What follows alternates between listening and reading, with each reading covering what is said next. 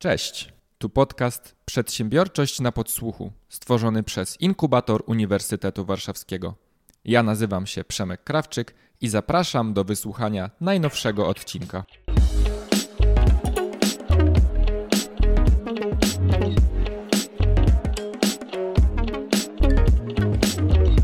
Witajcie drodzy słuchacze. Nie lada gratka czeka Was, nie lada gratka też czeka mnie, który siedzę w naszym podcastowym studio, bo po drugiej stronie stołu przy e, mikrofonie jest dzisiaj ze mną Konrad e, Pych. Dzień dobry Konradzie. Cześć, cześć. Konrad jest współzałożycielem firmy Hebar i to jest jedna z takich unikatowych okazji, kiedy będziecie mieli okazję posłuchać działającego, odnoszącego sukcesy i mającego bardzo dużą wiedzę przedsiębiorcy. Więc fajnie, że do jakichś zagadnień, być może teoretycznych, które macie na swoich zajęciach, albo zagadnień, którymi się spotykacie w książkach. Tak? Będziecie mieli dzisiaj okazję tą, tę wiedzę skonfrontować z taką praktyką, z takim działaniem e, i to realiami rynku, które, jak pewnie Konrad by się ze mną zgodził, gdybym go o to zapytał, a może i zapytam, często niestety od takiej wiedzy podręcznikowej dość mocno e, odbiegają. E, Konradzie, ja lubię zaczynać rozmowy od początku. Mm, więc też, żeby słuchaczy nie trzymać dłużej w niepewności, bo ja patrzę na zegarek już minuta naszego nagrania to mm, od czego Twoja ta przedsiębiorcza przygoda się zaczęła? I ja wiem, że tutaj bardzo ważnym faktorem będzie słowo rodzina i wyjaśnimy sobie zaraz też dlaczego. Hmm, myślę, że moja przygoda z przedsiębiorczością może mieć dwa albo nawet trzy początki. No przede wszystkim e, wywodzę się z przedsiębiorczej rodziny. Mój ojciec zawsze e, prowadził jakieś firmy, więc mama też na własnej działalności, więc mhm. jakby cała rodzina zawsze tak żyła. Ja jakby nie znałem tak naprawdę pracy etatowej. Mm, później, jak trafiłem na studia na SGH, zatrudniłem się w takiej firmie studenckiej Conquest Consulting, mhm. którą polecam wszystkim młodym studentom, zwłaszcza kierunków ekonomicznych. Tam zbierałem swoje pierwsze doświadczenia. Wtedy jeszcze miałem taką, taki okres. Myślałem, że pójdę do konsultingu, no bo Mhm. Wiadomo, targi pracy, high life, te sprawy. No jeszcze na SGH, prawda? Gdzie chyba firmy tak. konsultingowe, mm, mówiąc kolokwialnie, headhuntują sobie studentów, prawda? Do pracy tak, już na... Tak, już od pierwszego roku. Tak. tak, employer branding na pewno jest bardzo mocny. Mm, no i w tej studenckiej firmie właśnie tam trafiłem no, już na drugim roku. Najpierw no, zajmowałem stanowiska konsultanckie, potem project management, no i po dwóch latach zostałem prezesem tej organizacji, więc tam już na czwartym roku miałem pierwszy taki, nazwijmy to miękki start w przedsiębiorczość, gdzie przejmowałem organizację, która już działała. Musiałem tylko jej przypilnować tak naprawdę. No właśnie, to jest trochę chyba lat. inna sytuacja, kiedy wchodzisz do organizacji, która już jakby działa, prawda? Ona ma już tak, jakieś swoje tak. na przykład procesy i, i to tak, jest zupełnie inna rzecz niż zaczynanie czegoś od zera. Kompletnie inna sprawa. Tak. No i potem po studiach, chociaż w sumie to jeszcze na piątym roku, mm, wtedy nadarzyła się okazja razem z ojcem. Nie tyle założyliśmy, co okazjonalnie przyjęliśmy mm. Hebar od poprzednich właścicieli, którzy nie mieli tutaj sukcesora. No i tak jak mówię, no, była to dobra okazja. Razem z ojcem postanowiliśmy się tym zająć. Mhm.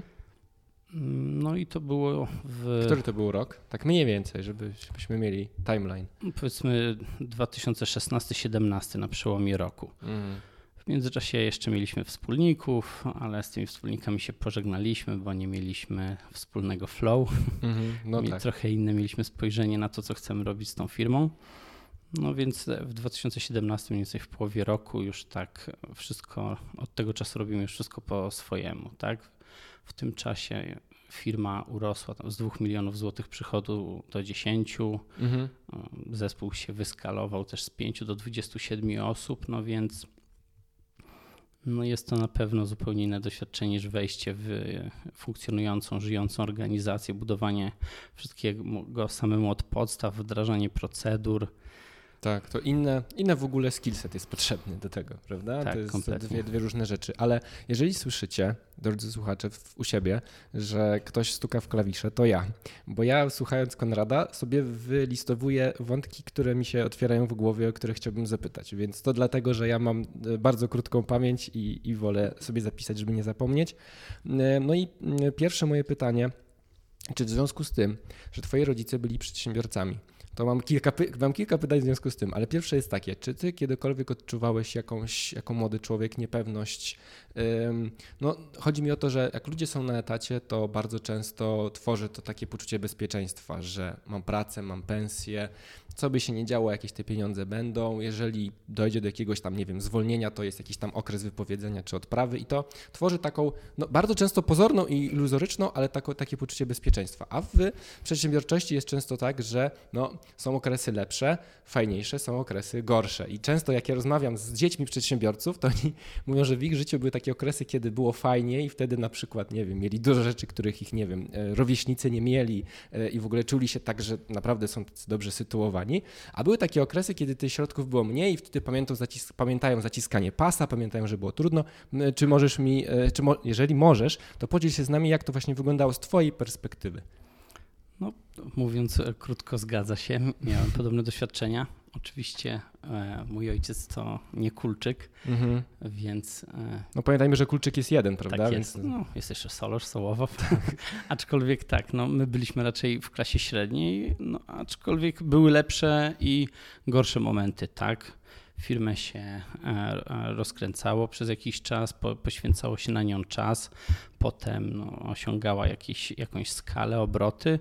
No tutaj w historii mojego ojca była upadłość, więc e, to też jest e, Trudne, ale bardzo ważne też doświadczenie, tak, tak, prawda? tak, bardzo ważne. Myślę, że bardzo rzutuje na naszą dzisiejszą działalność, bo I Pozy- pozytywnie pewnie paradoksalnie, prawda? Bo się nauczyliście wielu rzeczy wtedy. oczywiście tak. Ja jestem tutaj od tych ryzykownych projektów, Mhm. większa skłonność do ryzyka. Mój ojciec jest e, takim lekkim Tak. hamulcowym, który mówi, kiedy przesadzam, kiedy mnie ponosi, kiedy musimy się zatrzymać, zwolnić, przeorganizować. Ale to wy się uzupełniacie w takim razie, prawda? Tak, tak. Jakby, jakbyśmy sobie taki suwak od zarazu do stół, ryzyka zaprojektowali, to twój tata jest bliżej, jest w tej pierwszej 50% połowie, a ty w tej drugiej i na szczęście podejrzewam, że się spotykacie gdzieś po środku, prawda? No to też Ostatecznie. Myślę, że to nie jest, nigdy nie ma chyba tak, że pełnego balansu, Tak. tak. Ja bym powiedział, że mam 75, a mój ojciec 50. To Okej. też, Czyli to jest gdyby nie miał żadnej skłonności do ryzyka, to nie brałby się ponownie za własny biznes.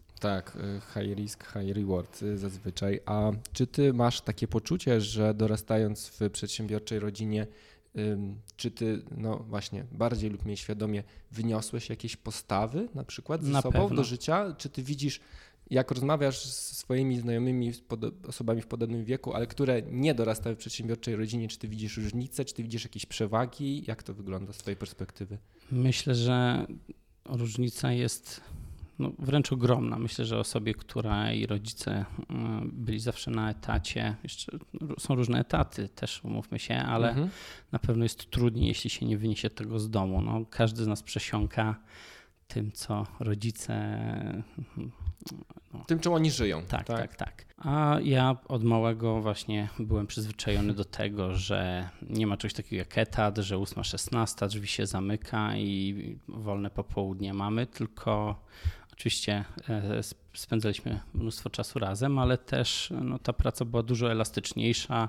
To życie się, tak, życie prywatne i przy, przy, życie zawodowe się przenikały. Przenikały bardziej. Mhm. Tak. Bo to jest taki, work, to są dwa rodzaje work-life balance. Jest work-life balance etatowy, że pracuje w danych godzinach, a w innych godzinach nie pracuje, a jest work-life balance przedsiębiorcy, że jak trzeba dużo pracować, to dużo pracuje, a jak trzeba mniej pracować, to wtedy odpoczywam i mniej pracuję, prawda? Więc to jest chyba no, taki inny, też inaczej trochę zaprojektowane, e, inaczej zaprojektowane życie.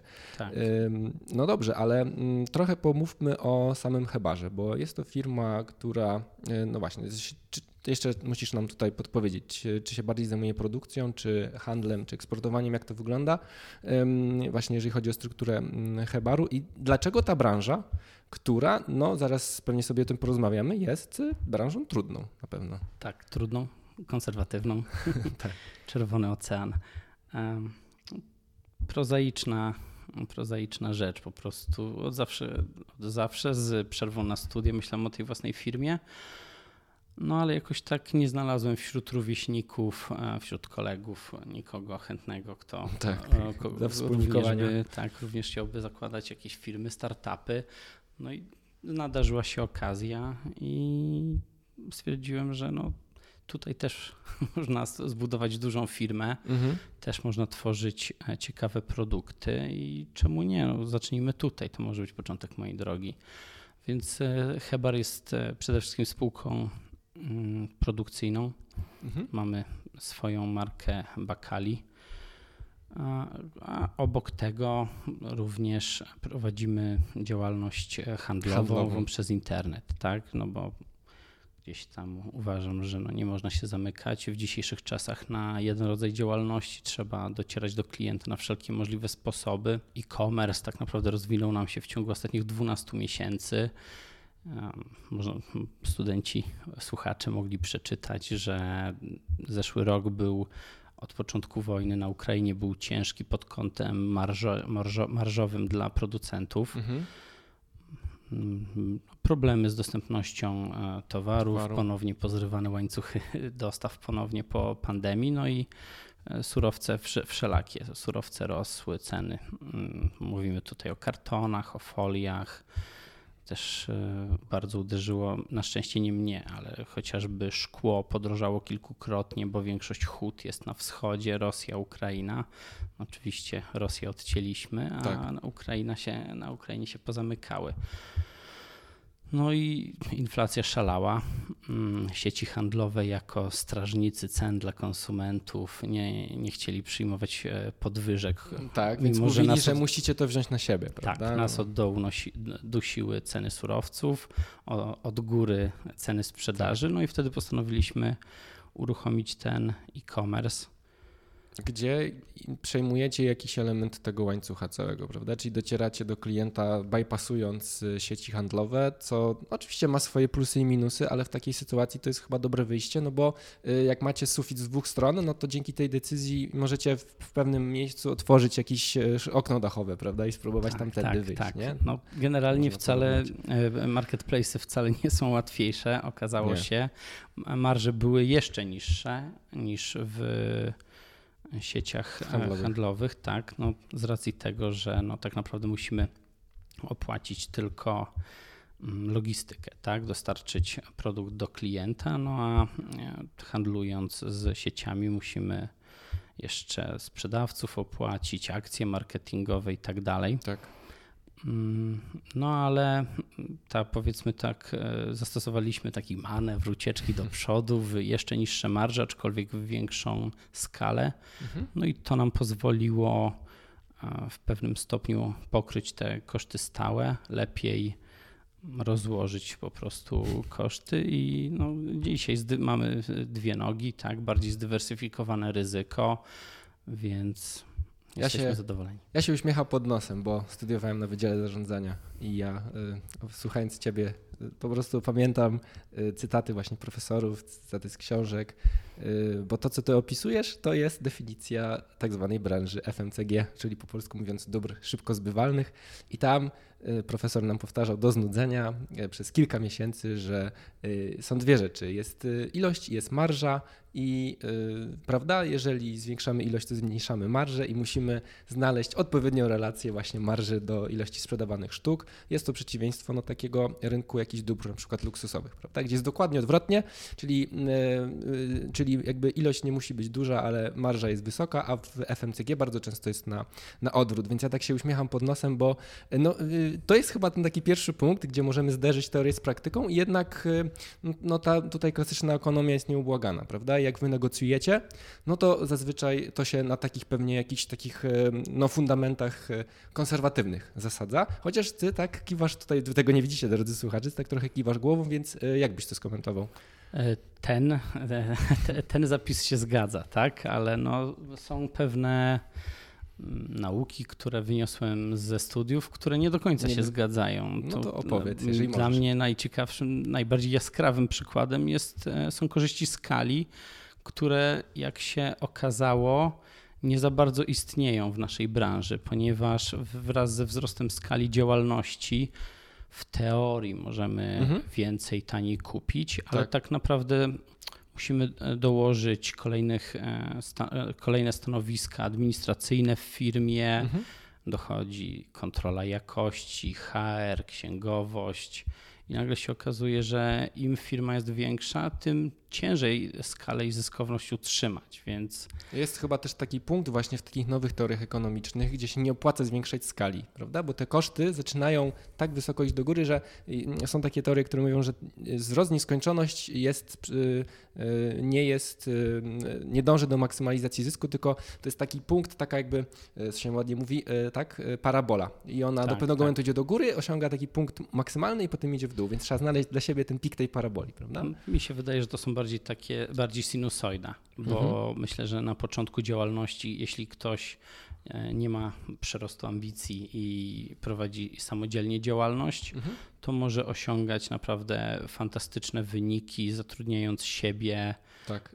Żonę, brata, kumpla, Albo dwie, trzy osoby. Gig, tak, gig economy, czyli też tak na takie mm, y, jakieś konkretne projekty, prawda? Nie, nie na stałe, tylko do wykonania zadań. Tak, później wraz ze wzrostem skali dochodzą kolejne osoby, już e, mamy problemy z komunikacją, trzeba dokładać mhm. procedur, trzeba znajdować coraz większy, więcej klientów, no więc tak. Mo może Apple ma nie, niekończące się marże wraz ze wzrostem skali, mhm. aczkolwiek no, myślę, że w bardziej tradycyjnych branżach, gdzie, no, ale nawet nie tradycyjnych branżach, no, mamy firmy wyjątkowe jak Apple i myślę, że E, nie sprawdzałem dawno, ale Samsung czy Huawei nie wykazują się taką zyskownością. Nie. Ale to jest też pułapka patrzeć na takie firmy, bo im się udało, mm, natomiast y, kopiowanie ich działań czy branie z nich przykładu bardzo rzadko przynosi jakikolwiek efekt, bo im, ich sukces jest splotem jakichś tysięcy w ogóle czynników, do których na przykład nie będziemy i nie mamy wpływu. Tak? Chociażby to, że oni są amerykańscy, to, że to są zazwyczaj amerykańskie firmy. To już sprawia, że przeszczepienie zasad tych na język, na, czy na rynek polski to jest już bardzo często pierwszy błąd, bo jest inna specyfika. Nie? No zdecydowanie. Myślę, że no w ogóle podglądanie konkurencji z własnej branży potrafi być zwodnicze. Mamy firmy, które funkcjonują 30 lat, osiągnęły pewien sukces, no i Chciało, tak. Chciałoby się pójść do, ich, ich do, do, założyciela, nawet żeby nas pomentorował, ale umówmy się, kiedy on zakładał firmę, były lata 90. No, w Polsce dzikie, prawda? Tak, no to tak, chyba. Zupełnie inne warunki, tak, zupełnie innego trzeba było potrzeba do osiągnięcia sukcesu, więc. Tak. Obaj chcieli, chcielibyśmy pewnie wchodzić w dorosłość w latach 90., prawda? Bo, Myślę, że byłoby ciekawe. To były, tak, to były na pewno ciekawe czasy, co, co też oczywiście oznacza, że z jednej strony lepsze, z innej e, gorsze. E, powiedziałeś, użyłeś takiego wyrażenia znowu czerwony ocean. E, mamy na myśli pewnie taką sytuację, że rynek, na rynku jest przynajmniej kilka, a pewnie więcej firm, które robią to, co my. No i bardzo często podręczniki startupowe odradzają e, i mówią: e, Słuchaj, tu jest czerwony ocean, tam pływa dużo rekinów i będziesz walczyć o, o te małe rybki. E, poszukaj błękitnego oceanu, czyli branży, w której jeszcze firm nie ma albo dopiero zaczynają i tam jest łatwiej o klienta i tak dalej, i tak dalej. No to ja będę drążył ten temat. Jak wy się odnajdujecie na tym czerwonym oceanie i co masz wrażenie, że wy robicie, co wam pozwala jednak rosnąć i osiągać te kolejne jakieś tam milestone sukcesu, o czym sobie pewnie porozmawiamy jeszcze potem. Dokładnie to samo pamiętam ze swoich zajęć. Autorzy książek, profesorowie sugerujący, żeby szukać błękitnego oceanu. Tak. Aczkolwiek e, ja mam do tego, myślę, że ja nawet od początku studiów mogłem mieć do tego trochę większy dystans, ponieważ zaraz na pierwszym roku trafiłem na wykład z prezesem Toyoty w Polsce, który powiedział takie zdanie, które mi utkwiło w pamięci, że żeby wybić się na czerwonym oceanie, musicie być dwa, trzy razy lepsi od kogoś. Mhm. Że, że, no i wtedy możecie zdobyć pozycję lidera, mieć dodatkowe marże z tego tytułu. Tak? Natomiast jeśli chcecie wprowadzać kompletnie innowacyjny projekt, wypłynąć na błękitny ocean, zaproponować konsumentowi coś, czego nie zna i przekonać go, żeby porzucił stare nawyki, wygodę, przyzwyczajenia, musicie zaproponować coś co najmniej 10 razy lepszego, mm -hmm. tak? No to samo mamy w książce Zero to One Petera Tilla, który no... Legendarnego tak. inwestora z, i przedsiębiorcy z Doliny Krzemowej, prawda? Dokładnie tak. Gdzie wy szukacie przewag w, jakbyś, jakbyś miał tak się zmapować? Bo to... Szczerze mówiąc, są nisze, pewne niuanse, które można wykorzystać. My dotychczas wykorzystywaliśmy to, że jeszcze te kilka lat temu, no jeszcze dekada nie minęła, chociaż już niedługo. Mhm. Dla mnie też kawał czasu. No bo nam się tak wydaje, 2016 to było przed chwilą, ale po pierwsze, zobaczcie, to jest 7 lat, a po drugie, to jest jeszcze epoka predcovidowa i ja myślę, że kiedyś w podręcznikach to w ogóle będzie jakaś taka granica między jakimiś, e, słuchajcie, okresami w ogóle w historii naszej planety, nie? Typu starożytność, średniowiecze i tak dalej. Wiosna ludów. Tak, to moim zdaniem COVID to będzie jakiś taki moment przełomowy, więc y, odpowiedź ci brzmi, to było już jakiś czas temu. Tak, to było już jakiś czas temu. Mm, no, by, by, były jeszcze, nadal są, pozostają pewne nisze, tak? Wielu producentów, mimo, mamy ciągle taką mentalność, nawet wielu przedsiębiorców, żeby wszystko kupować taniej, sprzedawać taniej. No, no i wszyscy chcą taniej, taniej, taniej. No tak. My wyś... mamy Mhm, czy przerwę ci, bo y, może to rozwiniemy właśnie na jakiś taki kierunkowskaz. Te 4P słynne, prawda? Czyli product placement, price i y, promotion. Tak, no to tu mamy ten trzeci komponent price i no y, są chyba dwie taktyki, al, trzy albo jestem tańszy niż konkurencja i ludzie kupują moje produkty, bo są tańsze, albo odwrotnie, czyli no, są droższe, ale za tym idzie pewnie produkt. A jeszcze trzecia strategia, czyli patrzę, jak konkurencja się wycenia i się wyceniam bardzo podobnie, żeby, no bo nie wiem, jak się wycenić, to się wyceniam tak jak konkurencja, prawda? Ale no to jest w ogóle mega ryzyko, na przykład bycie tańszym niż konkurencja, bo zawsze no, dość łatwo jest znaleźć konkurenta, który przyjdzie, zrobi jeszcze taniej i ludzie zaczną kupować od niego, prawda? Tak, dokładnie. No więc kiedy przyjmowaliśmy Hebar, to Hebar właśnie właśnie konkurował ceną, ale po krótkim czasie doszliśmy do wniosku, że to jest droga donikąd, ponieważ. Chyba nie buduje żadnego w ogóle przywiązania z klientem, prawda? Tak, to jest jedna rzecz. Po drugie, no jak długo można obniżać ceny? W końcu się kończy nam przestrzeń do tak. obniżania ceny. W, w, rośnie wydajność, tak, kupujemy szybsze maszyny lepiej zarządzamy zapasami, kupujemy, no ale w końcu i tutaj też dochodzimy do ściany, tak? Na rynku działały już większe przedsiębiorstwa, mhm. z, wydajniej zorganizowane. No i dochodzimy do momentu, gdzie trzeba obniżać jakość produktu, który się klientowi oferuje. No i no to jest już taka dla mnie spirala śmierci. No więc tak. my poszliśmy w drugą Droga stronę. bez odwrotu. Tak, my zobaczyliśmy, że tak naprawdę nie ma produktów jakościowych na naszym rynku, więc postanowiliśmy zaryzykować i zaatakować tą niszę. Spojrzeliśmy na produkty naszej konkurencji najbliższej, innych małych firm, obejrzeliśmy produkty największych e, firm na rynku bakali w Polsce. Nie będę wymieniał z nazwy, no ale okazało no nie się. Nie musimy, że... bo myślę, że każdy zna. No, każdy z nas je orzechy czy tam rodzynki, prawda? No to, no. to... I okazało się, że wszędzie jakoś jest zbliżona, nikt się za bardzo nią nie wyróżnia, a już mieliśmy na tyle dużo doświadczenia, że widzieliśmy, że są dostępne lepsze produkty, lepsze surowce, lepsze odmiany, lep, większe kalibry orzechów.